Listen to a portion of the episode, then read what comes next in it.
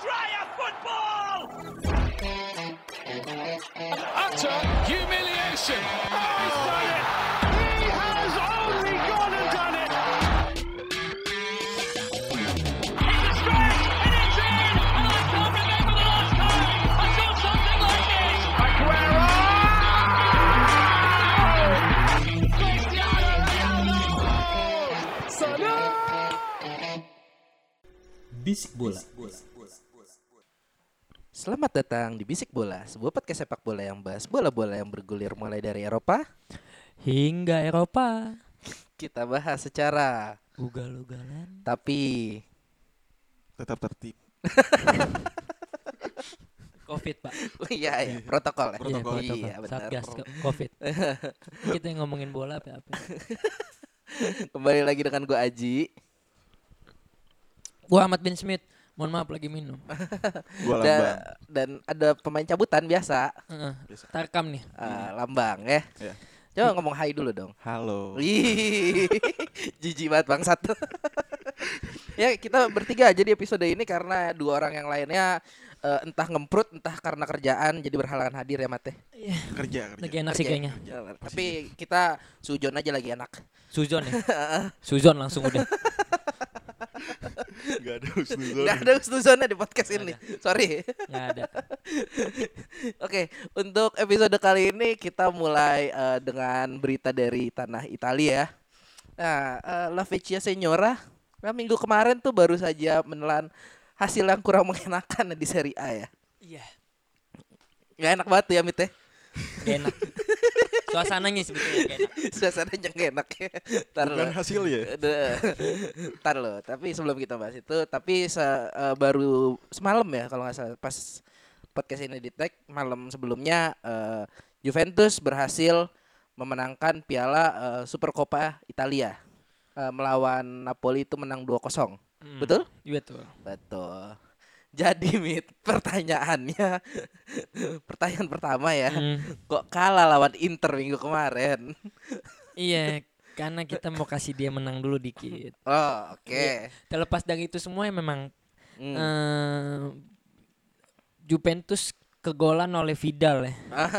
Oh, Vidal ngegolin. Heeh. Oh, akhirnya Sa- dia bisa ngegolin gak cuma kartu merah doang. Iya. Sahabatnya Pierre Lopez juga mantan pemain Juventus. Iya. Tapi dari segi taktik memang Ah, ah. Memang Juventus kalah jauh di dari segi skuad maupun apa pun itu ya. Siapa aja mit yang absen emang waktu Absen ada lawan empat. eh, itu Inter? Empat tim inti gua Alexandro, Hmm? eh, Cuadrado, Hmm? Dybala maupun Delik. Oh, Dybalanya nggak tiga main. pemain iya, tiga pemain itu Oke. memang ada yang Covid dan Dybala cedera otot. Hmm. Ini memang memang menjadi apa ya hal yang mesti di- dipertanyakan ketika ada Dybala nggak main dan ketemu tim-tim yang memang defensif kayak gini Juve selalu kebaba apa ya kesulitan banget nih untuk menciptakan gol ataupun peluang. Terlepas dari itu semua mungkin akan ada crossing crossing kan nah Hmm, hmm. masalahnya crossing gua aja tuh jelek banget nih Danilo maupun si Prabota yang notabene bukan bukan tipe kalau orang yang bagus banget akurasinya ini Iya, yang penting bolanya naik Iya, aja. mungkin di saat Ah. itu kalau ada Alexandro maupun Cuadrado Ah, ah. mungkin akan bisa golin Atu ya Nyampe lah nggak Heeh. semuanya Gua- bolanya ya. gua ngomonginnya Atu aja Satu aja. walaupun yakin menang Cuman kan udah beda ya Ngerti gak sih lu Kayak lu tuh mau ngomong apa kejebak Iya, Lu mau iya, ngomong apa iya. itu kejebak gitu Mat, tenang Mat. Tidak ada lawan lu Mat hari Iya ini Mat. Gak ada Tapi kita mesti ob- objektif lah Ah, ya. Gak Kalau- apa-apa subjektif juga gak apa-apa. Jangan lagi Jangan, oke. Gue mau coba baik dikit. Ih, cakep. Kadang kan musuh mesti dikasih senang dikit. Ih, di Ah, Inter memang memang bagus banget bermain dalam hal ste- eh, skemanya Conte banget ya di mana dia berdi- em, melakukan defense yang sangat kuat banget sampai akhirnya terciptalah gol kedua tuh dari Ah. Bastoni umpannya ke Barella. Tapi taruh sorry sebelumnya Inter squadnya lengkap nih lumayan. lengkap, Lengkap. lengkap. Sampai Lukaku dan si siapa? Depan Sampai Lukaku. Asli yang main kok. Iya. Asli Asli yang main. main. Asli yang sebelah kiri main. Oh. Asli Iya, saya lupa ada pemain itu di sana ya. MU kan Manchester United pindah sana. Lukaku membagi Barella, Barella, Barella membagi Lukaku, Lukaku membagi Lukamu. Apaan sih anjing? Empat pak. Dari sakit. Ya tapi gitu. Ya. Eh, ini ini em, konte banget di mana defensifnya selalu rapi, selalu kuat dalam hal bertahan eh, sampai akhirnya Juve nggak bisa meman- eh, memanfaatkan setiap lininya. Eh, ya. Karena kurangnya daya gedor juga iya, ya. karena nggak ada kreatif banget di li- Ah. eh, di di lini peta, eh, peta- eh, Tengah ke depan. tengah ke depan di mana ada biasanya ada jembatannya antara Dybala, Dybala. maupun ketemu Ronaldo ya. Ah. Plus juga yang gue bingungin Arthur nggak dimainin sama Pirlo. Ah, Ini iya, kan iya. memang pemain yang bisa mengatur tempo kan. ya. Ah. Tapi ya balik lagi mungkin Pirlo punya punya pemikiran lain di mana dia Apa masukin Bentakur. pemikirannya itu? Pemikirannya lain mungkin em, dengan adanya Bentakur yang lebih ke fisik, eh, Pirlo bisa menahan ketika eh, Inter mulai counter attack di mana fisiknya eh, fisik maupun sprintnya Bentakur lebih baik daripada Arthur kan. Gue Iya. melihat itu sih. Juga Mekani eh, Mekani baru dimaininnya di menit-menit eh, di menit-menit pen habis lah ya. Itu juga menjadi sebuah pertanyaan gua di mana ya kali Pirlo masa nggak nggak percayain McKennie yang main secara box to boxnya baik banget. secara bagus di Mm. 3 4 pertandingan ke Iya. belakang. Tapi kalau menurut gue McKennie diistirahatkan itu eh, salah satu cara Pirlo untuk merotasi dia biar eh, ibaratnya tetap fit lah. Iya sih. Atau mungkin Pirlo ngerasa si McKennie ini belum punya mental untuk menghadapi partai sekelas lawan Inter. mungkin mungkin fit itu sih Ji, karena juga Sama dia si habis- Arthur juga iya, sih dia kayaknya bekas- itu dia bisa cedera, cedera. dia bisa Iya, cedera. Cedera, bekas iya, cedera. iya. Nah tapi balik lagi sih yang gue lihat eh, cederanya dia nggak terlalu Nggak terlalu parah iya, ya. parah Ah. juga. Maksud gue ketika dia ma- mainin berdua ini mungkin secara eh, lini pertahanan ataupun lini gelandang siap lah untuk mengasihi Ronaldo maupun Morata karena Ah. minus banget pak nggak ada banget Cuma itu berasa banget ya nggak ada dibalas Berasa sebagai banget. jembatan ke depannya Iya, ya. Cuman cuman apa ya fullback doang yang dimanfaatin. Plus Iya. fullbacknya nggak jago banget buat crossing mau gimana? fullback lu kan fullback intercept kan, Iya. fullback yang nahan di belakang, Uh-uh. bukan fullback yang eh, sorry itu saya seperti fullback Liverpool yang bisa Iya. maju semua ke depan Ya, ya. mungkin yang bagus, yang bagus dan mentalnya baik, lebih baik ya itu Danilo sih. Frabotta kan Danilo, juga jago oke, masuk dari Ah. akademi. Oke oke. oke. Tapi kalau eh, menariknya Pirlo seperti langsung membuktikan bahwa ya nggak apa-apa gue kalah kemarin. Tapi ini loh, lu lihat nih, gue bisa menang. Seenggaknya gue bisa menang Super Coppa Itali melawan eh, rekan rekan sejawat anjing, rekan sejawat. Sahabat, sahabat. sahabat sahabatnya dulu waktu membela AC Milan ya. Iya. Si tukang pukul Bapak Tukang Gattuso pukul, itu. heeh. Hmm, Dari lambang kalian nih untuk yang ini ya. Untuk laga Juventus sama Napoli gimana nih, Bang? Kita kita Ini permintaan Smith iya, ya. kita tanya orang yang nggak Iya. nonton. Nonton gua. Eh, tadi saya sudah kasih materi ya siang-siang.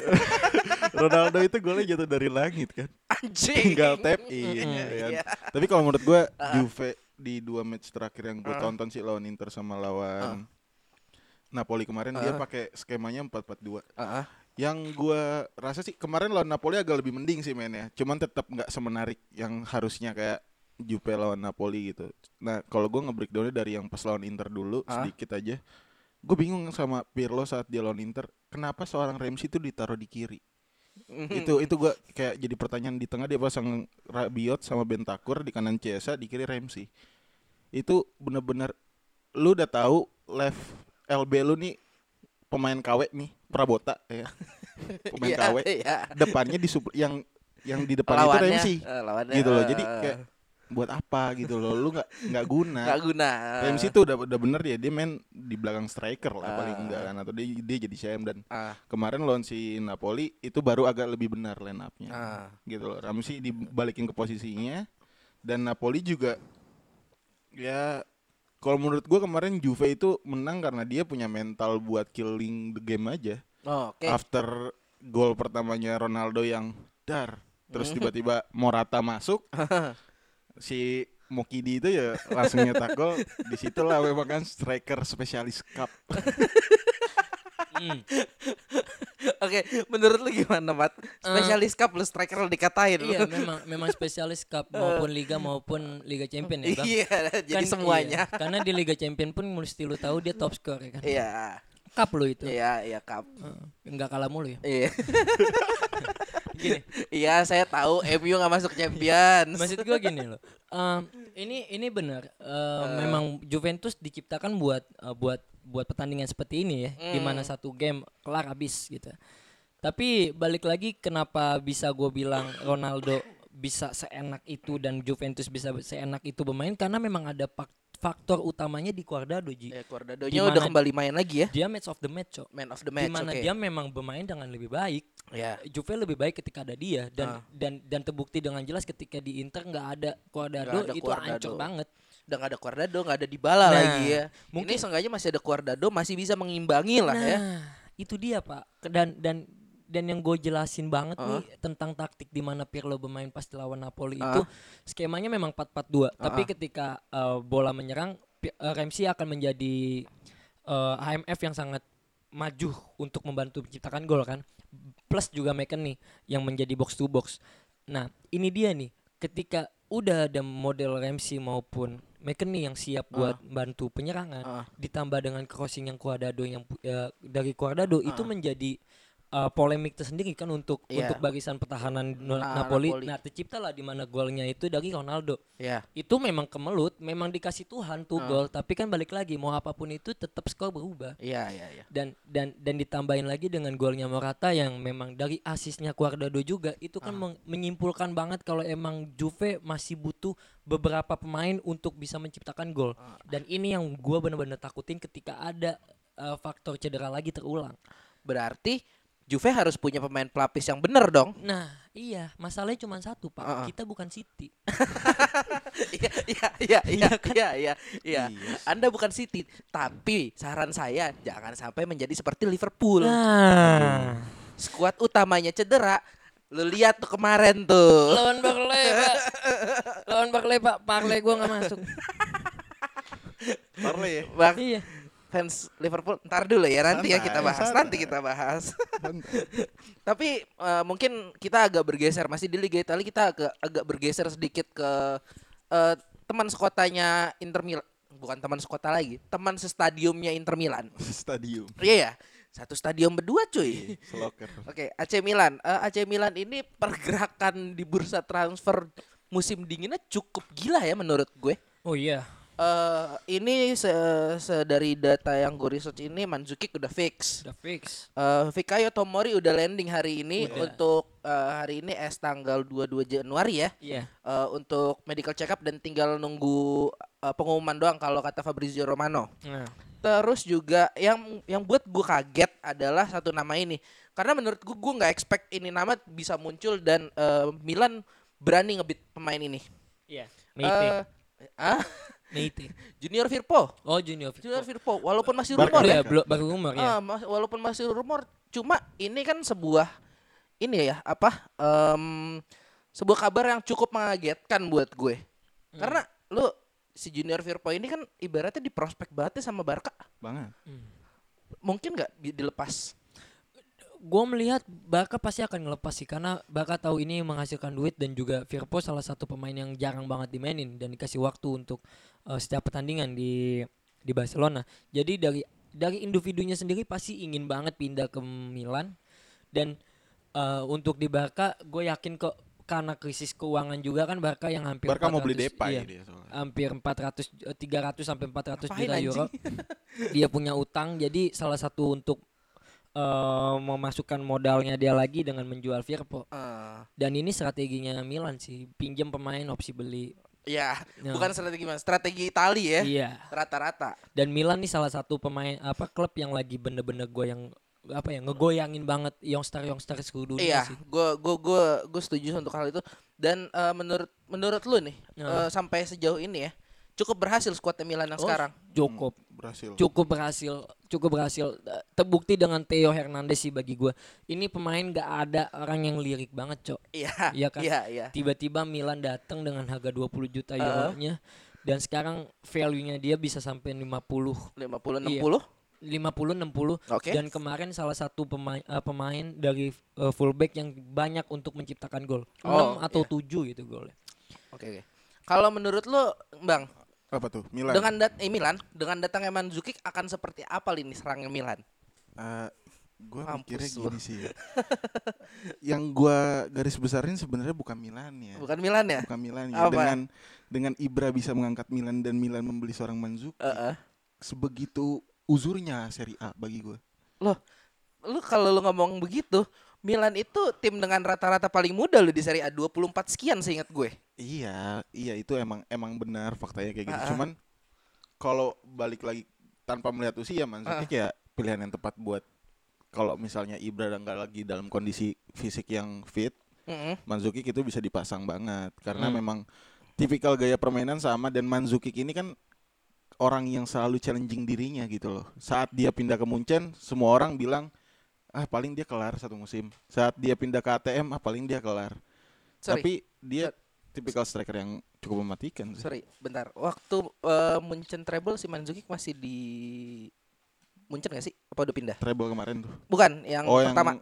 yang Masih, masih. pertama masih. Masih ya? Oh, Oke, oke. Nggak, gue cuma make sure itu doang. Makanya gue sih mikirnya kalau yang Mandzukic ini mungkin buat short term progresnya Milan aja ya. Tapi kalau untuk transfer yang lain udah dinilai kayak kan awal musim ini kan konflik nih Milan. Ah, Pioli out. Iya. Tadinya kan hashtag Pioli out tuh tapi banyak. kan buktinya sampai beberapa pekan yang lalu tidak kalah-kalah gitu ya. Tapi kan Opa Maldini ini kan bersikuku kalau Pioli in, gue stay sama Pioli dan Pioli membayar itu semua gitu loh. Oh lunas ini, di Lunas, digepretin lunas banget. duit ini depan Dan depan muka. kenapa Milan berani jor-joran dengan program yang diberikan oleh Pi- Pioli, Pioli, juga karena ya dia udah terlanjur basah gitu loh. Hmm, Target ya. awalnya mungkin zona champion gitu Ah, kan. Tapi sekarang gue punya chance nih setelah Ah. 10 tahun gue cuma ngendep doang di bawah. di mid table ya. Iya, terakhir Ah. dia ngangkat kan 2011. 2011 ya. Ibra jalan-jalan jalan-jalan jalan balik lagi sekarang dar dia punya chance buat Chance buat juara. Nah itu dia makanya mungkin emang 2021 ini kebangkitan si setan merah. Oh oke oke. Kayak eh ya boleh lah boleh. Kalau dari lu gimana Mit tentang si Milan ini dan segala kemelutnya? Kalau lu tahu eh, outnya Pioli itu bukan di awal musim ini tapi di sebelum Covid ya. Oh, oke. Karena kita tahu setelah Covid dia salah satu pemain eh, klub yang Klub gak yang pernah tidak terkalahkan. tidak kalah. ah, ah. Iya. Eh, musim ini memang Milan percaya banget sama Pioli Oke. karena dia tahu di- setelah pandemik ini eh, Pioli salah satu pelatih yang bisa membangkitkan kejayaan Milan dalam hal 10 tahun ini ya, ke belakang. Betul. Eh, Pioli ditambah Maldini ini menjadi momok yang menakutkan kan karena karena dia salah satu eh, apa ya klub yang nggak memanfaatkan setiap pemain bagus untuk datang Nggak, tapi nggak banyak buang-buang duit lah Iya, ibaratnya. tapi Ah. dia tahu siapa pemain yang potensial untuk berseragam AC Milan. Itu yang itu yang sangat sulit. Tapi Mit, gue sorry ya, eh, gua tidak expect pencapaiannya Pioli waktu masuk ke AC Milan tuh sampai setinggi ini loh. gue expect ini sebelum liga di- ini dimulai. Setelah pandemik yang di mana dia nggak pernah kalah 10 pemain Oke. 10 pertandingan. Oke. Gue melihat ini salah satu yang bisa mengganjal Juventus adalah Milan. Enggak, enggak, bukan. Maksud gue waktu waktu pertama Pioli dia datang. bi- dia menukangi Milan yang Oh iya Oh jelas. iya, jadi jelas. apa? Jadi uh, Dia di caretaker Inter- ya waktu Iya, itu iya, pertama ya. Dia di Nah, Inter aja waktu itu cuma 7 match kalau nggak salah langsung didepak kan. Nah, abis itu kan waktu eh eh, apa? eh, abis abis pandemi Ah. yang itu yang eh, liga selesai semua itu ada kabar itu mau pelatihnya si RB Leipzig Iya. kan. Eh, Eh, Rangnick. tek tek dirnya Iya, ya. Rangnick. Dirtek ya, dirtek ya, sorry. Dirteknya. Tapi melihat eh, prestasinya Pioli selama jadi caretaker itu akhirnya kan dipermanenin kan si Pioli nih. Tapi menurut gue, gue gue nggak expect banget sih sampai sampai Milan bisa sejauh ini, sumpah. Karena sistemnya udah ketemu Ji kayak Hmm. mungkin si Pioli juga ngelihat gua dibandingin sama si Ranik, Ranik bisa Ah. ngebangkitin Le- Leipzig dengan pemain-pemain muda. Terus dia mungkin berpikir di situ. Kenapa bukan gua- gue? Iya, kenapa bukan gua? Gue juga punya beberapa stok film pemain muda yang bakal gua orbitin dan bisa jadi di tangan gua. Dan itu terbukti sih. Ditambah lagi ya jiwa mentalnya Ibra tuh di locker room tuh berpengaruh banget gitu Iya, loh. es ya. abang-abangan ya. Nah. Ah. itu tuh sangat berpengaruh banget makanya once sudah sistemnya jalan kalau memang ini bisa jadi kesempatan ya kayak yang gue bilang tadi udah sekalian nyebur ya bahasa aja sekalian Oke oke. Dan di Europa League juga kayaknya dia masih bisa contending ya. Oh bisa, bisa bisa. Jauh nggak nih kira-kira di Europa League? F- final pun gampang untuk AC Milan ya karena dia memang lagi di atas angin dengan skuad dan Pioli lagi bagus banget nih. Bahkan gue sulit lah untuk untuk untuk beberapa tim ngalahin Milan, even itu eh, Liverpool. Liverpool yang cedera sekarang ya. Oke. Gue Ya, gue gue nambahin aja Mit, gue nambahin. Maksud gue Milan memang lagi ya, bagus-bagus. Ya. Milan lagi memang lagi bagus-bagus ya. Mungkin kita kaget dengan forma 2 tahun atau tiga tahun lalu Liverpool. Mungkin Ah. sekarang lah Milan waktunya dia pengen challenging untuk menjadi lebih baik. Dan terbukti dengan adanya Maldini dan Pioli dan beberapa pemain mental yang kuat ada di situ ada Kijar eh, maupun ada Ibrahimovic. Mm. Ya ini salah satu pondasi yang sangat kuat lah untuk Pioli bermain di Milan. Tapi kalau kalau misalnya si Firpo jadi pindah ke Milan ya, Iya. menarik ngeliat di duit sama si Hernandez cuy. Iya. oh kencang Iya, sih kencang. Kenceng, Kenceng. Depannya tinggal si Mandzukic atau si Ibrahimovic berdiri Ini doang tuh tim, nunggu. tim ini pokoknya tuh kalau menurut gue dia bakal challenging semua kompetisi yang dia ikutin karena Iya. dia yang penting ada trofi yang masuk nih Untuk Eh, tahun ini. Untuk tahun ini kalau Oke. menurut gue sih. Oke oke. Tapi mungkin eh, agak sedikit lupa tadi balik lagi ke Juve. Juve juga sebenarnya di musim eh, dingin ini di transfer tengah musim ini punya list belanja eh, rumor belanja yang cukup banyak ya. Harus. Harus. Mulai dari Pogba, Locatelli, Hmm. Awar, Mm-mm. Rodrigo De Paul bisa ditambahin lagi mit? Ada ada beberapa rumor dari Piatek, Piatek, Giroud maupun Giroud, eh, ah. Papu Gomez juga Pap- mau masuk. Astagfirullah. De Paul. Ah, Ya, ini Papu eh, Gomez. iya. Ken- Kenapa? Kenapa pemain-pemain ini dibutuhin? Karena Hmm. satu, sisi sisi dalam hal gelandang ya. ah. Jupe pun kurang kurang dalam hal eh, kreativitas. Di situ cuman pure ada si Don- Dybala doang. Dybala. Oke. Selebihnya nggak ada. Oke. Eh, Ini ada di Pogba, Locatelli sama Awar ya kalau nggak salah. Iya, itu ada di situ. Hmm. Papu Gomez juga bisa ditambahin. Oke. Ah, hmm. Ada juga eh, dalam hal segi penyerang, Juve nggak ada lagi penyerang murni selain Morata maupun Ronaldo. Ronaldo kalau menurutku jatuhnya masih winger mit. Nah, dia udah dijadiin penyerang di karena Oke. 4 dua kan kadang. Oke, oke, oke, Kalau oke. memang lagi ada di bala bisa jadi eh, 4 4 3 3. Empat Itu tiga tergantung oke. enaknya Pirlo deh habis ngopi dia mikir. Tapi kalau Oke, menurut oke, gue oke. sih dari pemain yang Ah. tadi lu sebutin itu, Ah. Gue sih paling paling setuju kalau misalnya Awar yang ngebantu ya. Awar gue yang objektif ngebantu, ah. karena Juventus itu emang butuh gelandang flamboyan dan nggak mungkin Paul Pogba sekarang. Berarti flamboyan S like Pirlo. ya. yang yang eh, sebenarnya waktu eh, bursa transfer awal musim kemarin mereka punya kesempatan untuk merekrut seorang em, siapa Tonali Tonali. itu Mm-mm. kayak gitu. kalau Iya. gue sih kayak gitu. Kalau kalau dari gue malah gue eh, pusat pusat pembelanjaannya Jupe itu tujuh yang udah masuk troll nih ya. Iya iya iya. Kalau di Shopee, Cok. Iya iya. itu ada check out iya, doang ya. Ada ada Pogba ma- maupun Locatelli. Oke, Kenapa ah. ada Pogba? Karena salah satu pemain yang punya eh, jiwa Juventus. Ah. Jadi nggak usah pakai belajar nih. nih. Karena sistemnya gini. Kita bisa tahu dari zamannya transisi Pirlo, Marchisio, Vidal sampai akhirnya ke Pogba, Ah. sampai akhirnya sekarang ke Bentaku bla bla bla. Itu kan sampai ke Pjanic itu kan Juve punya transisi di mana sat- disisain pasti satu gelandang yang tahu dan yang ngerti bener cara main yang ngerti. cara eh. ngerti Iya. jiwanya Juve. Ah. Nah, kenapa Pogba itu salah satunya pengen di pengen dimasukin? Karena kalau kita lihat gelandangnya Juve sekarang nggak ada yang benar-benar lama di Juventus kecuali Kedira. Kedira Ah, nggak iya. dimasukin.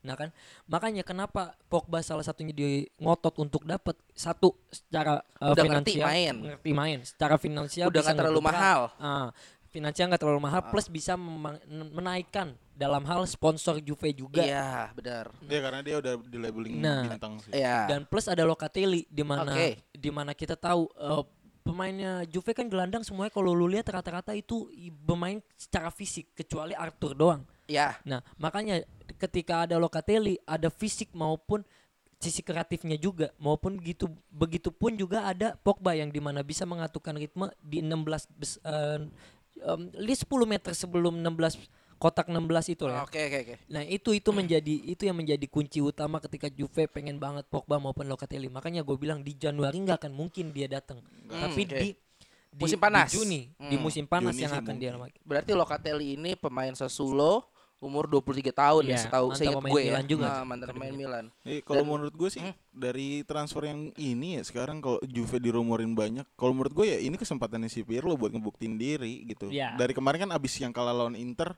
banyak orang bilang kayak ya udah nih udah, udah Pirlo out gitu kan. Kayak Iya. sekarang kan netizen Padahal dan nih- fans itu kayak cepet banget kan ngambil kesimpulan. Sorry bang ya, Hah? gue motong dikit. Padahal sebenarnya kalau kita melihat Pirlo secara kacamata yang ibaratnya biasa aja, Ah. 10 match pertama dia nggak kalah loh. Dia nggak kalah, Heeh. ya kan? Dia nggak kalah loh. Nah makanya kalau menurut gue gini sih gua gua nggak bisa ngelihat nih Juventus yang sekarang ini skemanya kayak gimana nih Iya. skema Juventus yang dulu tuh yang gue tahu eh, tactical defending gitu Iya. defendingnya tuh super banget Iya. sekarang ini kan defendingnya juga lagi regenerasi Ah. kedeli kan dari Celini Dan eh, lini penyerangannya juga dipertajam. dipertajam juga Hmm. dan Pirlo pun waktu dia conference awal dia ngelatih dia bilang Guardiola adalah panutan gua Oke. dia role model gua Oke. mungkin yang pengen gua lihat adalah Pirlo ini mungkin taktiknya itu pengen merubah Ju- Juve dari yang dia main tactical defending Ah. agar dia bisa dapat piala di Eropa. Ah, Once lu main di Eropa, lu harus ya main full attack Ah ya. tanpa benar, lupa benar, defense benar. lu Offensive, gitu loh. Benar, benar, benar, benar. Harus harus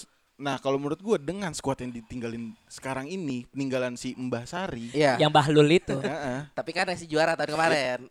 Cancelo, Emre Can, Mazukic Nah. banyak banget yang dijual. Makanya Iya, itu iya. gua gua makanya mikirnya mungkin bukan Pirlo-nya yang taktiknya jelek, tapi pemainnya yang nggak bisa mengaplikasikan taktiknya si Pirlo di lapangan. Oh, oke. sih Jadi ini se- saatnya Pirlo merombak pemain untuk mencocokkan dengan taktiknya dia ya, Mat ya? Iya, karena memang karena memang eh, Juventus di tangan Pirlo ini nggak ada eh, formasi yang sama dalam hal gelandang ya Ji. Oh, oke. Nggak pernah ada main Gelandangnya sama. pasti di Pasti di acak-acak lagi ya. Ah, Ha. Oke oke oke oke. Mungkin untuk Liga Italia eh, di situ dulu ya. Cukup Ji. Nah, kita sekarang berangkat ke eh, Espana. Spanyol. La, La- La Liga Espana. La Liga Espana ini sedang lucu sebenarnya. Lawak. Lagi Bukan lawak. lawak lagi. Mengingat ya eh, sampai saat ini di puncak klasmennya masih diduduki oleh eh, Om siapa? Om Simeone dengan Simone. skuad-skuadnya itu. Hmm. Yang mana eh, tadi gue lihat siang ternyata eh, top skornya La Liga itu eh, Vampir dan Messi berdampingan. Golnya sama. Iya. Se- 11 eh, something segitu gue lupa. Sati mereka tuh. Oke, tapi yang menarik men- me- untuk dibahas adalah menurut menurut kalian ya nih ya. Barca Barca di bawah Kuman sampai saat ini ya. Itu udah gimana sih? Udah nyetel belum sih? Salah ya? Salah ya? Iya, minggu minggu minggu kemarin ya atau beberapa waktu yang lalu eh sorry gua agak lupa eh, waktu pastinya. Dia kalah di eh, Super Copa. Iya di final dia kan. Di di final kalah. Di final dua kalah. satu dua kosong. Eh, gue lupa 2-1. skor. 2-1. Dua satu. 2-1. Dari Villa Tercomeback dia. Villarreal apa? Bilbao, Atletico Bilbao, Bilbao. Atletico Bilbao. Bilbao, sorry, oke oke. Eh, gue kan sih ngerti nih ya, Liga Spanyol. Menurut kalian gimana nih kalau melihat Barca yang masih, kalau menurut gue ya pribadi ya, jujur masih masih agak terombang ambing walaupun kalau dilihat dari awal musim ya, ya ada progres lah seenggaknya. Iya. Kalau dari gua sih ngelihat Kuman datang posisinya Barca ini kan sebenarnya konfliknya itu bukan hanya dalam tim kan, dalam manajemennya juga. as a whole semuanya as a sih. whole ya, as a whole Barcelona ini lagi fuck up gitu kayak Kuman datang dia ditunjuk oleh mantan presiden yang sekarang udah lengser si Bartomeu dan itu. nanti Maret bakal ada pemilihan presiden lagi dan dua kandidatnya ini nggak ada yang menjagokan Kuman untuk stay di Barca. Fuck you. itu kan dari pertama lu datang lu udah mental dong kayak Iya, iya, iya. gue ninggalin timnas Belanda yang lagi oke nih di tangan gua Oh, demi, iya, iya. demi tim gua mantan tim gua Ah. tapi lu ngomong kayak gini setelah gue sign in Ah. dan pemain-pemain yang sekarang ada di Barca kalau menurut gua masih terlalu muda Barca Barca itu masih nggak bisa tanpa Messi kalau menurut gua gua tiga match terakhir sebelum final itu Messi itu main balik lagi kayak Messi yang gua kenal gitu Messi yang emang ya udah main udah sesuai sama kapasitasnya dia gitu dan Gocek gocek dribble dribble. Iya. Oke. Dan itu lewat shot goal gitu loh. Oke, oke. Sampai dia bisa balik lagi nih jadi top scorer gitu kan di, Oke. di liga. Nah, yang gua garis bawahi sebenarnya sih Kuman itu punya strategi dan taktik yang juga cukup mumpuni dan ditambah juga sekarang egonya Messi ini udah mulai bisa diredam sama seorang Kuman kalau menurut gua. Dan Messi pun main udah kayak ya udah gue main untuk Barca sesuai sama kontrak gua. Jadi udah nating tulus nih udah nggak ada beban lagi pressure. Gua harus pindah gue main nge-carry tim tim tim kalah gue yang kena. Messi kayaknya udah nggak mikirin itu. Sampai di final ngebuktiin dia kalah dia fall out dia kartu merah Ya, ya, kita ya, nggak ya. pernah ngeliat Messi kayak gitu di situ Messi ngebuktiin gue nih gue ini juga manusia gitu loh Oh, oke.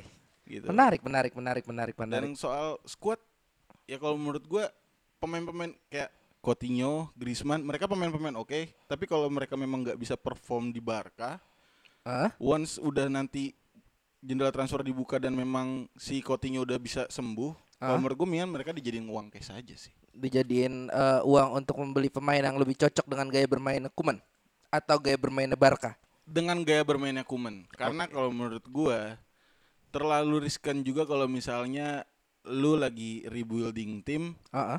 tapi di tengah-tengah lu diganti lagi nih sama wa- walaupun itu seorang Xavi Hernandez ya. Oke, ya, ya. Pak Walaupun- eh, dua 90% rumor mengarah ke sana. Iya, walaupun Oke. itu seorang Xavi Hernandez menurut gua ya udah emang udah garis takdirnya Barca ini harus di rebuilding gitu loh dan Kuman kalau menurut gua ada orang yang tepat. Saat misalnya Guardiola balik juga kayak waktu awal Guardiola gantiin si Ricard, Heeh. pemain yang pertama dibuang Dinyo kok. Ya. Dan emang dibuang bukan karena Dinyo nggak bagus. Gua pengen rebuilding tim nih. Skema gua gua pengen main beda. Barca nggak main kayak gini lagi. Barca tidak menggunakan Ronaldinho. Iya, dan itu yang akan dilakukan oleh Kuman di Juni nanti kalau menurut gua. Kalau menurut lu gimana, Mit? Barca tuh memaksakan mm, jati dirinya dengan setiap pelatih yang datang yaitu tentang tiki taka Oke. yang semua pelatih nggak nggak punya apa ya pendirian yang tepat untuk melatih Barca dan memainkan tiki taka. Iya kecuali cuma Pep Guardiola lah dia dia selalu selalu berusaha untuk mencari Pep Guardiola baru. Tapi ya balik lagi mungkin ada di jat- di dirinya Savi. Tapi ya sayangnya Savi lagi di Arab gitu ya. Iya kan? Mau, iya, mau umroh apa Iya. mau ngapain gua nggak Iya. tahu dah. Anjing lu gue lagi seprokok Iya, kan. batuk gue. Maksud gua gini loh. Barca tahu Heeh. em, setiap bak em, apa ya? Bartomeu itu setiap mengambil tindakan hanya tentang apa yang dibutuhkan fans. Apa yang dibutuhkan fans Uh-uh. dan eh, ekonomi lah ya. Ah, Oke. apa yang dibutuhkan fans dan apa yang dibutuhkan dia. Oh, Gitu. oke oke oke oke. Dia tidak mencari tahu apa yang dibutuhkan klub. Oke. Eh, Contoh, eh, ketika ketika fans semuanya bergerak untuk Barca bermain lagi dengan tiki taka, diambil Akumen. Ya kan? Hmm. Ketika ada lagi yang bilang eh, Barca tuh butuh butuh sesuatu hal yang baru, dia datengin Dembele dengan harga 120, Coutinho dengan 140. Itu hanya apa? Untuk memuaskan fansnya Barca Oke. tanpa memikirkan apa yang dibutuhin dari Barca. Barkanya itu sendiri. Iya, Oke. ini ini ini dari sisi presiden yang memang bagi gua Bartomeu salah satu yang menghancurkan Barca lah. Oh, Oke. Iya, setuju. Even Russell pun yang ngancurin Barca uh, image-nya ya dalam hal klub ini Iya. hancur banget dengan ne- negosiasinya Neymar. Ah. Ini lebih buruk daripada uh, Daripada Russell. melepas Neymar ke PSG. Iya. Oke. Dan ini fakta kalau Woodward lebih bagus daripada bertemu. iya, Anjing lu. sedikit.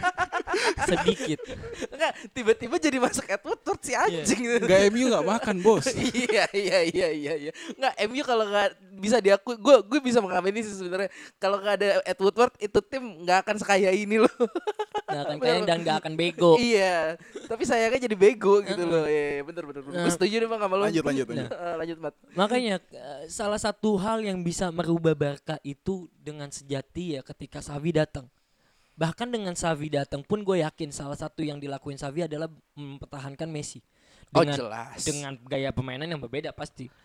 Tiki Taka tapi Phil Savi. Iya. Oke Dan gue yakin karisma Xavi akan men- akan menundukkan Messi lah. oke. Nah, cuman masalahnya Kuman ini kan pelatih yang memang sangat-sangat identik dengan Barca, Mm-mm. tapi dengan dengan apa ya? Dengan strategi total footballnya juga sangat identik. Iya, Bahkan dia oke. selalu memainkan Iya, setuju total football. Iya, oke. Tiki- Tiki taka adalah aroma dari uh, football yang Anak da- dimodernkan. anak dari total I- football yang iya, dimodernkan. iya. Ah.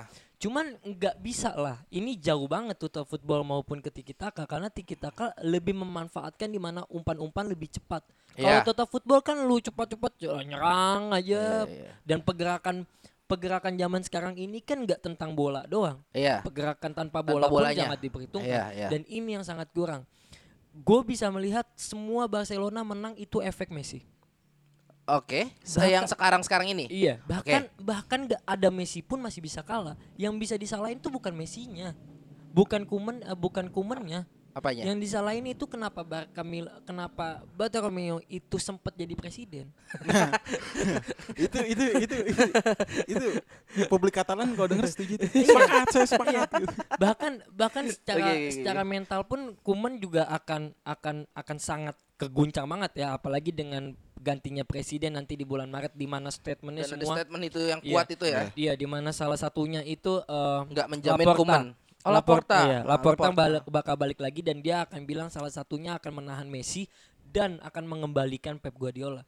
Ini kan secara mental Pep Kuman nggak ada nggak ada enak-enaknya banget nih di Oh posisi jelas Koeman, jelas iya nggak kan? enak enak. Otomatis dia akan memikirkan segala seribu seribu macam cara untuk dia menang sampai Iya. akhirnya dia dia kelewatan dalam hal memikirkan taktik. Terciptalah tuh kekalahan di mana Atletico Bilbao bahkan bahkan Barca menang Clasico kalah. El Clasico kalah menang-menang tipis mulu. Iya iya iya. Terlalu banyak ugly win musim Iya, ini. dia. terlalu Oke. banyak terlalu banyak pemikiran yang Kuman eh, pikirkan bahkan di luar lapangan juga kan. Iya, Dan iya. ini yang salah eh, bagi gua bukan tentang buat ya udah lewat lah. Yang salah dicepatkanlah untuk mencari presiden yang lebih baik untuk Ba- Barcelona. ya. Barcelona. Oh, oke oke oke oke. Tapi eh, membahas Barca nggak adil rasanya kalau kita nggak membahas rivalnya. Oh. Oh iya. Iya. Levante. Atletico maksudnya. Levante, Levante. Atletico. Atletico nanti terakhir. Eh, sekarang kita bahas Real Madrid. Real Madrid em, sebenarnya sih kalau dari kacamata gue sendiri ya, eh, mainnya average ya Zidane ya. Cuma memang terasa sekali ya ketiadaan Cristiano Ronaldo, Bale dan sudah menuanya Luka Modric eh jadi eh, Madridnya memang tidak seseram yang waktu itu. Waktu yang tiga kali beruntun juara Champions ya. Tapi kan akhir-akhir ini agak kocak juga ya sebenarnya eh, ceritanya Real Madrid. Apalagi kemarin eh, beberapa waktu lalu di Copa del Rey. Aduh gua sebenarnya agak-agak sama Persitara ya. oh, NJ NJ NJ. Tapi gue agak-agak sedih juga sih ngomongnya. Dia mereka kalah di Copa del Rey lawan tim dari eh, liga eh, divisi berapa sih itu? divisi 3 Divisi 3 yang bahkan namanya aja gue lupa apaan. Karena nggak gue catat ini. Alia Ceno Ah ya, gitu. ah, ya itulah pokoknya dua dua satu dua kosong. di comeback dia Di comeback ya 2-1. pokoknya dua satu ya. Ini eh dari hasil itu dan melihat beberapa waktu ke belakang ya sempat ada juga orang-orang yang menghembuskan rumor untuk ya gantilah Zidane. Zidane out. Ah, Zidane out. Tapi menurut menurut kalian tuh gimana? Dari lu Bang gimana? Eh dari lu Bang gimana Bang? Kalau dari gua sih apa sih yang lu harapkan setelah skuad Galacticos ini dapat treble champion tiga musim berturut-turut gitu? Nggak ada yang bisa Ya, loh. nggak ada yang bisa. Sejarah back to back aja nggak ada yang bisa loh. Iya gitu dan Ah. itu kayak ya udah ini ini squad udah habis masanya dan ya udah sekarang lu nikmatin sisanya dan kalau menurut gua gua mau breakdownnya gini Hmm. eh Bell di loan Isco di pengen di loan Hamis pengen, Hamis sudah di Everton Luka Oke. Jovic kemarin di Frankfurt main berapa menit dua gol sekarang kan kebuktinya gini sebenarnya squad squad yang ada di Madrid ini Masih kayak- punya potensi. Masih punya potensi Oke. kalau menurut gua Odegaard pun sebenarnya punya potensi Oke. di Sociedad musim lalu dia bagus banget main Oke. Tapi yang jadi masalah gini, tim ini udah terlalu lama bermain dengan sistem dan pemain itu aja. Oke, butuh kebaruan sistem dan kebaruan pemain. Butuh pembaruan itu. Oke. Zidane di awal musim itu, dia saat terakhir se Solari, Ah, Solari, Solari. Solari di Depok, Zidane di Indian lagi. Yang dijanjikan oleh Perez adalah lu bakal nge-build Galacticos baru nih. Galacticos part 3 ya Part ibaratnya. tiga. Sedangkan eh, kan- part 3 ya bener ya? Per tiga. Oke. Sedangkan kan kemarin Zidane ini hanya jadi kayak finishernya aja nih. Pelengkapnya dari Galacticos aja. Yang kan yang nge-build kan si Mourinho. Mourinho, ah, yang dari zaman ngembangin Ancelotti, Mourinho. Ah, ah. yang netesin si Zidane. Zidane, Nah ah. sekarang Zidane dijanjin buat Galacticos tapi nggak ada pemain yang datang yang baru. Hazard. Ya Hazard, tapi kan ya Ya, gimana gitu. Anda tahu kan Hazard kondisinya gimana seperti yang biasa Imo bilang, sudah gendut, cedera, Kalau kata kalau kata. Hanif fans Ah, Madrid, ah. bagusan Torgan Hazard yang di Dortmund. Kacau nggak tuh?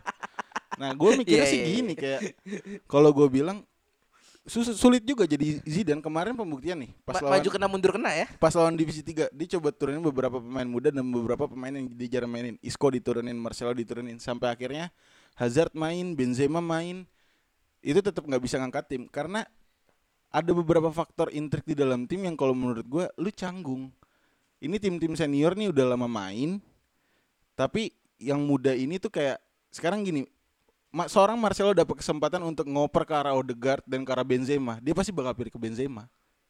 Iya. karena dia udah ada trustnya, dia udah oh gue udah nyatu sama ini pemain. Dan lu nggak bisa nge-combine o- pemain muda sama pemain tua dalam hitungan bulan di tengah kayak pandemi gini yang kemarin aja persahabatan aja tuh nggak ada sama sekali persiapan tim sedikit. Jadi ya Zidane kalau menurut gua di liga dia tuh nggak terkalahkan karena pemain senior aja yang turun Oh, berarti kalau lu ngomong kayak gitu gua akan membawa sebuah kasus lama. Eh kasus di mana Benzema ngomong jangan oper ke Vinicius. nah itu salah satu contohnya Oh, Oke oke oke oke gua Dari lagi.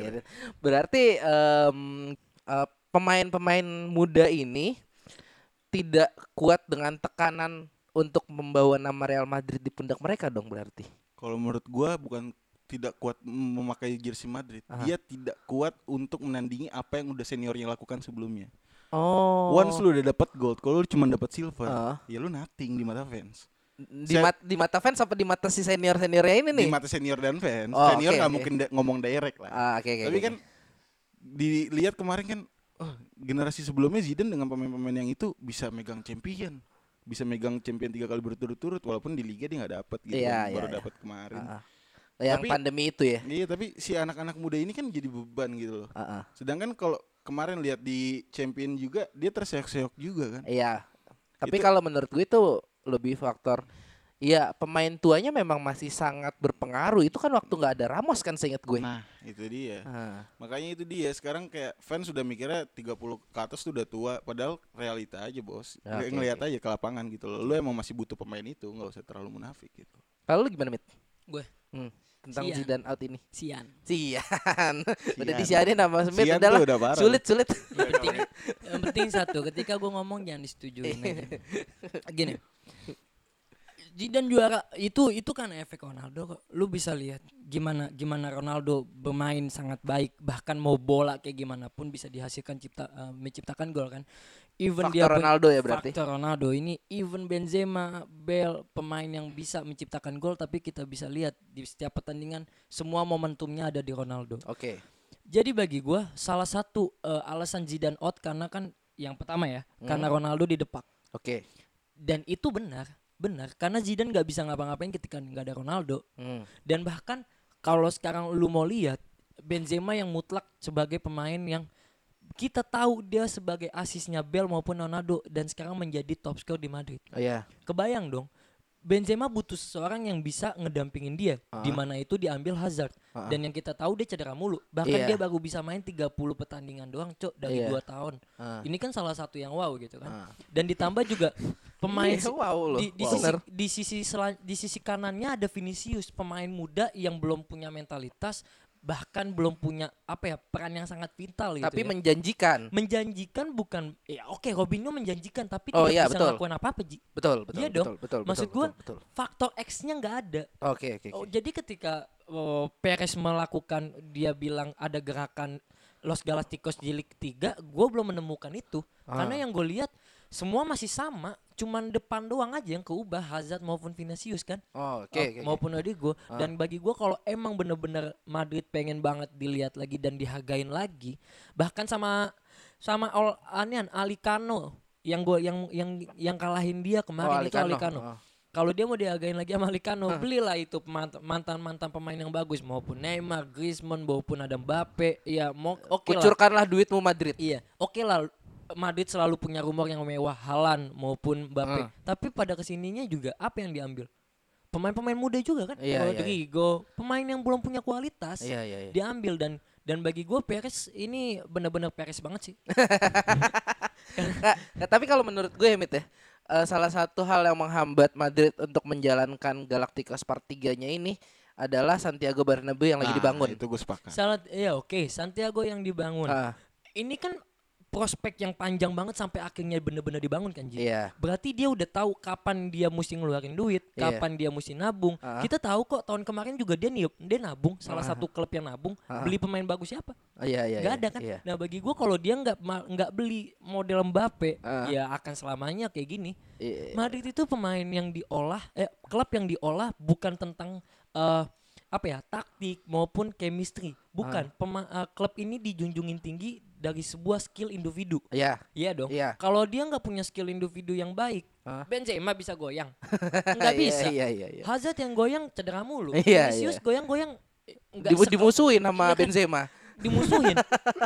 ya kan? Iya iya. iya. Ya maksud gua ketika dia punya duit, dia mesti datengin Halan maupun oke lah Halan terlalu tapi besar pasti lah. datang sih kayaknya sih Iya, Halan oke lah, sulit lah. Maksud gua masih ada Benzema, Mbappe Iya. lah. Mbappe, Atau enggak iya. Neymar. Iya siapin. Yang sudah menunjukkan ya Nah, keinginannya. Iya. Lu tuh oke kalau lu nggak mau gerobak semuanya. Defense apa lini gelandang lu masih bagus kok Casemiro, Kroos, Modric ini Iya. masih bisa kok dua tahun lagi. Ya dua tahun lah dua tahun. uh, bertahan lu udah bagus. Tapi sisi dia kan uh, apa ya? Yang dia nggak punya itu ya mesin golnya Ji. Ketika Hmm. dia nggak punya mesin golnya, ya dia akan kayak gini. Oke. Dia oke, akan kayak gini selalu. Jadi bagi gua ketika uh, Perez tahun besok nggak menggelontorkan duit untuk Mbappe, ya udah jangan berharap Madrid di tiga besar deh. Di lima besar aja mending nggak usah. Anjing. sama kalau bisa sih si Ramos ditahan sih Iya. Ditahan ya Ramos ya. Ditahan. Itu masih penting banget ya buat Iya. Madrid ya. Mm. soalnya sekarang kan namanya kan jadi Ramos FC kan Iya. ya Oh itu abang-abang jenggotan itu. Dulu kan Ron- dulu Ronaldo FC kan, Raul, Ramos- Raul FC, Ronaldo FC sekarang Ramos. FC. sekarang dia Ronaldo PK. Soalnya kan tendangan bebas, eh tendangan penalti dia ngambil. Tulisannya PK. Tai. Oke oke. Tapi melihat kedua tim yang bisa dikatakan penguasa La Liga ini sedang terseok-seok ya. Ya eh, bisa dikatakan Atletico Madrid ini nyelip di waktu yang tepat ya. Iya. Apalagi dengan kemarin begitu ada kemelut di Barca, Suarez dibuang, langsung dibeli. Hmm, pinter. Itu tuh menurut gue salah satu move yang cerdik dan Suarez membuktikan bahwa no, gue belum habis. Iya. Hmm. Gue belum habis, gue belum habis. Sebetulnya tepat gini, ketika dua tim ini nggak punya eh, mesin gol, Heeh. Atletico punya. Oh oke oke Kelar. oke. Punya dua, Punya dua. Felix sama Maupun Suarez. Suarez. Suareznya aja lah ambil. Suareznya aja. Iya, Oke oke oke oke oke. Menurut lu kansnya Atletico untuk juara musim ini gimana? Gua kansnya Atletico untuk juara musim ini Heeh, sangat besar. sangat besar. Sangat besar. Sangat besar. One man show liga itu sekarang. One man show. One man show. Oh. Uh, one man show coba coba coba coba kau berikan rasionalisasinya Rambang. Karena gini gua ngeliat ya. Kenapa gue bisa bilang Atletico itu one man show? Ini tim tuh udah udah confident banget. Ah. Dia punya tiga striker yang mematikan nih. Ada Joao Felix tadinya ya. Pertama awal musim Joao Felix, Diego Costa, Hmm? sama si Suarez. Once Suarez sudah style sama si tim, Mm-mm. dia berani ngelepas Diego Costa kayak gitu aja. Iya, benar benar. itu salah satu pembuktian kalau misalnya gue udah yakin sama skuad gue. Tapi masukin Moussa Dembele, Cok. ya itu kan long termnya dia Hmm. gitu loh. Buat nggak karena Suarez ini kan paling kan satu dua musim lagi kan juga ya dia bakal duduk di bench atau enggak dia balik ke kampung halaman kan. Nah jadi kalau menurut gue ngelihat posisinya Atletico sekarang ya lu udah bertahun-tahun di tangan Simeone pernah pernah menangin si liga juga di champion pun sekarang juga ya lu lagi anginnya ada cuman kita tahu ATM tuh di champion cuman ya sekedar pemain-pemain semi-semi pembantu di dalam ajang sama kayak tersebut. Tottenham waktu itu lah ya, Iya kan? nyampe finalnya cukup. Nah. Ah. Jadi kalau menurut gua kalau emang Simeone bisa fokus dan dia mengutamakan liga ya lebih baik dia strict di liga aja sih. di liga aja. Iya. Tapi tapi Mus- Musa Dembele ini gimana menurut lu untuk st- eh, kedatangannya ke Atletico Madrid? Musa, Kakinya masih patah. Masih patah ya? Iya kakinya. Musa, Gue gue gue gue nggak tahu tuh. Iya. kalau Musa Dembele kalau menurut gua sih Hah? lebih kayak untuk long term sih kalau menurut gua. Jadi ngelihat backup dari si Suareznya juga mungkin ngelihat ke depannya nih dua tahun lagi gue bakal gimana kalau nggak ada Suarez nih anginnya lagi enak nih ada Suarez nih Ah. kalau nggak ada Suarez gue gimana diambil si Musa Dembele dan Ah. juga untuk ini kan proyek masa depannya si ATM nih pemain depan dia punya Ah. Felix di situ terus dia datangin si Musa Dembele Ah. sedangkan kalau kita lihat di depan itu udah nggak ada pemain muda tadinya si ATM selain Iya. si Joao Felix Oh, dan Felix. yang lainnya juga kayak Koke dia udah mulai termakan usia Iya. goal getternya lah kayak Ah. Udah ini udah saatnya rebuilding tim juga cuman rebuilding ini itu lebih diem kalau menurut gua Oh, diam-diam diem-diem mematikan. ya. Iya iya iya iya. nggak ada yang nggak ada yang memberitakan seorang Musa Dembele pemain besar di Lyon gitu. Iya, iya. tiba-tiba dia datang ke ATM gitu loh Mat, nih gue kan nggak terlalu kenal ya sama sama Musa Dembele ya, Mat. Mm. Tapi gue tahu Atletico Madrid punya ciri beli penyerang pocher tinggi. Mm. Apakah Musa Dembele ada di kriteria itu? Oh iya. Ini ini salah satu pocak yang bisa diandalkan di mode eh, di zaman eh, Sepak bola zaman modern, sekarang, iya, ah. modern. Karena dia salah satu pemain yang tinggi dan punya speed. Oh, Hmm. Dan dan bagi gue ini salah satu yang menakutkan karena apa? Suarez ketika digantikan dengan striker yang tajam juga kan, Mm-mm. menghasilkan 40 gol lebih di Lyon Ah. maupun di Celtic. Ini eh, datangnya Moussa Dembele menjadikan angin segar untuk eh, Atletico Madrid. Even dia memang cedera sekarang ya dua minggu satu sebulan lagi kan dia siap untuk dimainkan. siapa kan? yang Iya. tahu? Ah. Dan kalau gue lihat ini datangnya Suarez memang memberikan efek Dembele, yang luar Dembele, biasa. Dembele, Dembele. Oke, enggak gue ke Suarez Oh, ke dulu. Suarez dulu, oke. Bagi Ah, gue sorry. Dembele itu pemain yang memang belum menjanjikan banget di liga Karena, karena liga belum baru belum ya. belum terlihat ya. Nah, Ah. tapi untuk menjadi penggantinya Suarez ini sangat baik. Sangat baik, Sangat oke. baik. Nah, dengan datangnya Suarez nih ini ini momentum yang sangat bagus sih. Ini yang memang dibutuhkan Atletico Madrid di Hmm. mana eh, Diego Costa udah temakan usia, dilepas gitu aja bahkan datangnya Suarez yang lebih tua tapi lebih menggigit. Oke. Kita tahu Suarez ini datang ke Atletico yang di mana notabene sangat berbeda jauh dari Liverpool maupun di Barcelona yang bermainnya sangat sangat terat- apa ya sangat sangat eh, bermain dengan taktik. Oke. Tapi tapi Atletico Madrid kan ini pemain yang defensif banget, klub yang sangat defensif banget, Ah. defensif banget. Dan ketika ada penghubungnya itu Joan Felix yang punya speed, Suarez akan lebih diuntungkan banget. Nggak terlalu memakan fisiknya dia Oke. di usia yang kayak gini. Ya. Tapi secara finishing ini sangat berkelas. Dia pemain salah satu yang finishing terbaik lah ya. Jadi ketika dia eh, counter attack-nya Atletico Madrid itu sangat berbahaya banget karena di Oh, itu kita depannya ada udah bahas di Nah, yang kemarin. Iya, dan itu yang itu yang sangat menjanjikan bagi gua kenapa Atletico bisa banget di atas ini karena memang Suarez yang dibutuhkan dari dua tahun atau setahun yang lalu ketika kehilangan Griezmann kan Iya, ketajiannya betul. kerubah. Nah, ini jadi bagi gua sekarang Atletico Madrid memang sangat sangat pantas banget untuk juara. Even Barcelona maupun Madrid nggak cumpang camping kayak sekarang. Ah. Atletico Madrid salah satu Bisa nempel ketat ya. sangat-sangat di- bahkan dia bisa misalnya salah satu yang bisa menjuara La Liga bagi Ah. Oke oke oke. Oke oke oke oke oke oke. Itu eh, sepertinya itu untuk eh, La Liga Espana. Eh, kita boleh boleh bahas Liga Inggris dikit nggak? Boleh dong. Liga Inggris dikit, ya, dikit, Boleh, dikit, boleh dikit, dong. Dikit, dikit. Apa yang mau dibahas? Jadi gini. Newcastle. Ah, Newcastle. Yang nggak jadi dibeli itu. enggak, enggak, enggak. Eh, gue melihat beberapa match terakhir sepertinya City sudah menemukan konsistensinya ya. Oh. Gimana Aduh. menurut kalian? Yang butuh menit 80 untuk menciptakan gol. Iya. Gue sih kalau ngelihat City, City sekarang ya, itu bukti kalau misalnya Guardiola yang pelatih cerdas. Kenapa? Tiga match terakhir dia main tanpa striker dan itu lancar. Cuman ngandelin De Bruyne kalau nggak depannya, kalau nggak Ah. Bernardo Silva. Serius, nonton highlightnya aja gue yakin. Gue pas nonton highlightnya aja nih ya, gue nggak nonton match match City, cuma gue nonton highlightnya kayak, wah ini baru nih main bola nih, keren. gitu. Gue Kenapa kayak berasa enak nontonnya? berasa banget, berasa banget. Dan kalau lu lihat, nggak dia nggak punya dia nggak punya striker sekarang nih yang fit. Nggak nggak iya, dia iya, nggak nggak iya, fit, gua tahu, Aguero juga nggak fit. Juga nggak fit. Tapi ah. kalau lu lihat statistiknya nih, dia kalau lu Iya. perhatiin, gue kan maintain si MU sama City nih, Ah. karena dia kan rival kan ya gitu. karena kan lagi di atas ya Ah, dua-duanya lagi ya. di atas gitu. Hmm, gitu. Yang gue takjub kenapa gue bilang Guardiola pinter, satu-satunya pemain yang selalu mencetak gol di tiga match terakhir itu adalah Gundogan. Gundogan. Siapa yang bisa memprediksi kalau Gundogan tuh bakal terus mencetak gol secara fluid kayak gitu dan itu meringankan bebannya si KDB. Ah. KDB nih udah tiga match terakhir main tuh udah nggak kayak musim lalu kalau menurut gua. Bukan gaya permainan menurun ya, tapi beban tugasnya jauh lebih menurun. Dan posisinya berubah.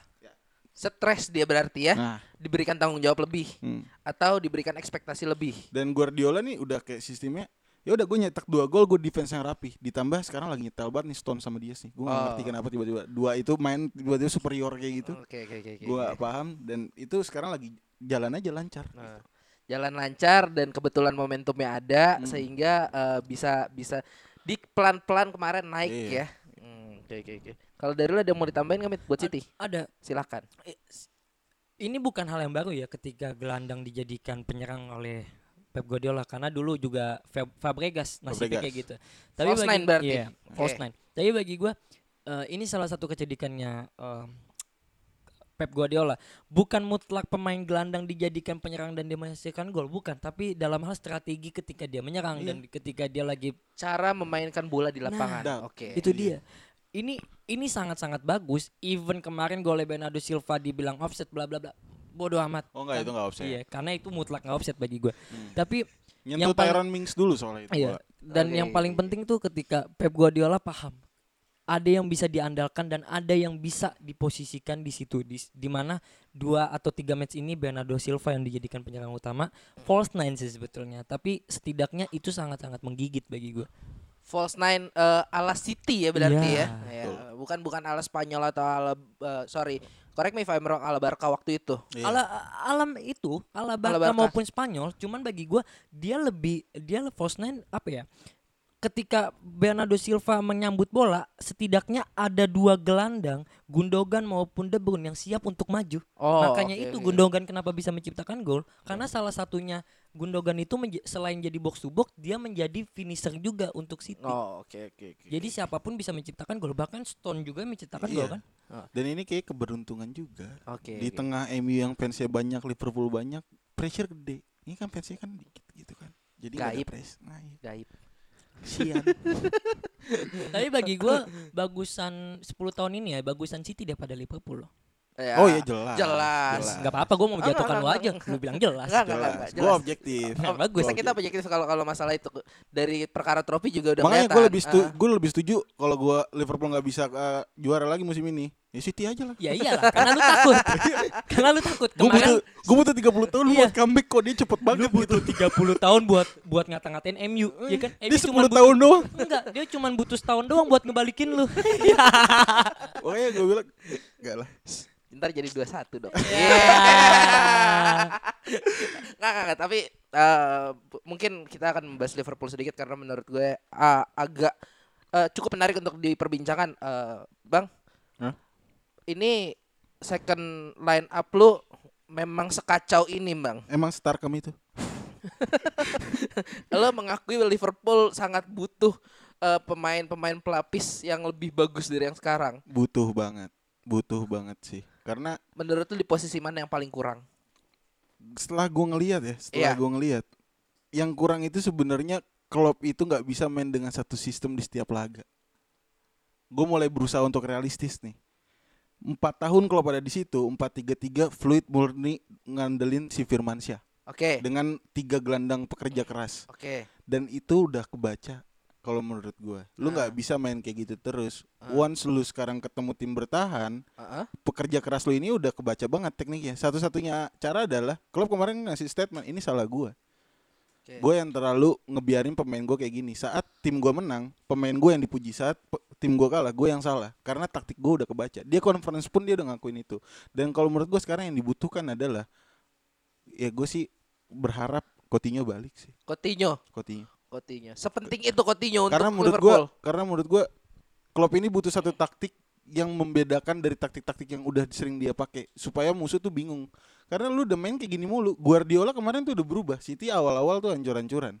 Karena Iya. taktiknya tuh monoton. Dua satu pivot, dua IMF gitu aja terus dicukur Leicester. Sekarang dia main udah lebih fluid karena tak, Guardiola sadar taktik gua tuh udah dibaca sama lawan dan ya ini saatnya Klopp buat berubah sih.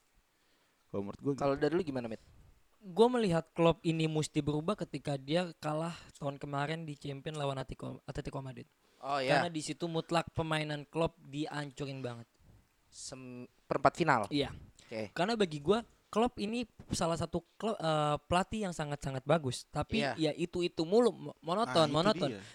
Segitiga belakang, habis itu Nah. gelandangnya box to box, ditambah untung sekarang dia faedahnya ketika ada Thiago. Nah. Tapi yang gue lihat sekarang Sama ini siapa yang dari Wolf? Jota. Jota. Heeh. eh, Jota bisa apa sih Ji ketika udah dibandingin sama tiga pemain depannya? Seenggaknya dia bisa Iya. menutup posnya Iya, salah waktu iya. itu lah, Mat. Masih, masih Maksud gua gini. Oke lah, performnya Liverpool tuh nggak jelek-jelek banget, tapi yang kurang sekarang gue melihat chemistry satu sama lain tuh udah mulai goyang loh. Kalau lu lihat, salah Antar pemainnya. salah udah terlalu egois, Mane udah terlalu egois juga, bahkan Firmino doang satu-satunya pemain yang masih suka asis. Bagi gua kemarin Liverpool main karena sebuah chemistry yang tinggi Oke. dan Iya. ini nggak terlihat banget. Oke. Ini nggak terlihat banget. Ketika ada salah satu uh, apa ya gelandang terbaik datang Thiago, ya suplaian bola udah enak banget dong. Suplaian bola enak banget. Even itu monoton, nggak masalah deh. Karena posisinya Liverpool dan Liverpool su- suka apa ya salah satu klub yang menggigit. Tapi ketika chemistry-nya hilang, itu yang bikin dia menang Champion, Liga itu goyang. Ya Udah udah, kelar semuanya ya. kelar semua. Oke, berarti dari statementnya Smith, Bang, gue mau tanya satu pertanyaan sama lo. Apa? Sudah saatnya kah salah satu di antara salah atau mana ada yang pindah? Udah. Udah saatnya. Gue berharap salah cabut sih. Salah cabut. Salah. Wah gila lu. Gue berharap salah cabut. Karena menurut gue, One salah nggak main, Liverpool tetap works. Mane nggak main, hancur-hancuran. Wah, Boleh gue? iya lu Gue salah satunya salah. salah juga. Oke, salah salah satu cipta eh, pencipta gol di tahun kemarin yang banyak. Yang Tapi banyak, ah. ketika lu lihat sekarang salah apa?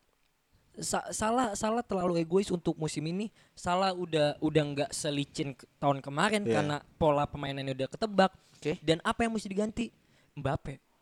Karena Gue Mbappe. setuju. Dan salah satunya kenapa? Tapi gue nggak aja, mau mimpi babu. gue yakin, gue yakin eh, ini salah satu salah dijual itu untuk duitnya dimasukin ke Mbappe. Hmm. Karena gini Ji, kenapa gue lebih milih Mane? Mane tetap bermain sebagai tim. Salah bermain sebagai bintang. Itu udah berbeda. Dan sindrom dong berarti. Gua guin Oke. kayak suku- fans Liverpool ini harus sadar. Lu tuh nggak boleh star syndrome gitu loh. Lu Ah, juara iya. champion, juara liga, terus lu mau star syndrome seakan-akan gue tim hebat nih, gue big team. Hello, masih ada Munchen, masih ada City, masih ada yang banyak yang lain gitu loh. Gue tambahin ya. Oke. Secara taktik, Mane lebih lengkap daripada Salah. Dalam heading, Oke. speed maupun finishing. Body balance. Finishing memang nggak terlalu bagus dari Salah. Body balance oke, Oke. udah udah jelas. Udah jelas. Finishing memang nggak lebih bagus daripada Salah. Tapi Salah nggak selengkap Mane. Heeh. Jadi ketika Mane nggak main, kelihatan banget sisi kirinya hancur. timpang ya kirinya ya. Karena sisi kanan pun masih bisa ditambahin oleh umpan-umpan crossingnya TA. TA. Ah. Dan sebelah kirinya diumpanin oleh Robertson. Ya, Terlepas betul. Robertsonnya dapat, Mane yang eh, salah yang nyundul mau jadi apaan? Kali Ah. bola nyuma, Iya. cuma nyumpang kena ubun-ubun. Iya iya. Ini Iya tuh bener-bener kayak lu sama sama supporter sama fans lu dikasih beban lebih gitu kayak kayak TA nih kalau menurut gua kenapa dia redup after dia cedera. Dia masih play as a team tapi orang-orang tuh nganggap dia tuh udah udah bintang gitu loh. Ekspektasinya sudah terlalu udah terlalu tinggi. tinggi dan itu jadi pressure buat Padahal dia. dia baru recover. Nah. Karena karena kalau lu lihat lagi highlightnya beberapa pertandingan, Salah itu eh, bisa bisa apa ya? Liverpool bisa menciptakan skor ketika Salah bisa mengasis Firmino maupun ke Mane. Ah. Oke. Tapi yang dia lihat eh, yang kita lihat ya dia menciptakan peluang itu sendiri yang notabene 80 berbanding 100 ji 100 lah yang mestinya diambil. Dia punya punya punya peluang memang 80%. Tapi setidaknya ini ada 100% yang memang ciptakan gol. Ah. Dan dia mengambil diambil itu 80 doang. Dia Ah, dia mengisut. Maksud gue ya, ya udah. Udah kebentuk kok gua gua akan melihat rumor ini Bape akan ke Liverpool dan salah salah salah satunya akan dijual plus Coutinho akan balik. Gue yakin. Gue sih, gue sih pengen Karena kenapa? agak berat ya uangnya kalau gini, mendengar itu. iya. Ah. Karena uang mungkin uang nggak terlalu berat Gi, ya. Karena gue tahu uh, Mane pun bisa untuk menghasilkan Bape. Karena Bape kontraknya sisa setahun atau dua tahun gitu. Uh, Coutinho mungkin di angka 50. Dan kenapa Coutinho mesti datang? Karena Liverpool itu bukan lagi pema, uh, apa ya? Tim yang selalu mengandalkan taktik karena taktiknya udah kebaca dan Ah. dia butuh satu satu pemain yang bisa merubah keadaan atau skor yaitu memanfaatkan 16 em, apa ya kotak kotak 16 maksudnya kotak penalti itu di Ah. luarnya Ah. untuk menciptakan gol ya salah satunya siapa Coutinho Coutinho nah ya. kalau Coutinho datang Mane maupun Salah even masih ada Salah deh itu tidak terlalu dibebani untuk menciptakan gol Ada yang bisa nyambut, bu- ada yang bisa ngebandring bola muntah. Nah. Oke. Itu yang gue lihat Oke oke oke, oke. karena kalau terus kayak gini Liverpool ya udah Ya, mati Ya, kutu realistis aja Realistis lah. aja ya buat, sekarang. Buat Copites di luar sana Ah. realistis aja. Oke oke oke. eh, cukup seru sebenarnya episodenya tapi eh, sayang durasi mengharuskan kita untuk berpisah di gue mau ngomong ini. MU loh Aduh. gue mau ngomong MU loh Eh, kalau MU eh ya udah deh, boleh deh bentar deh. gue mau nanya satu hal Apa?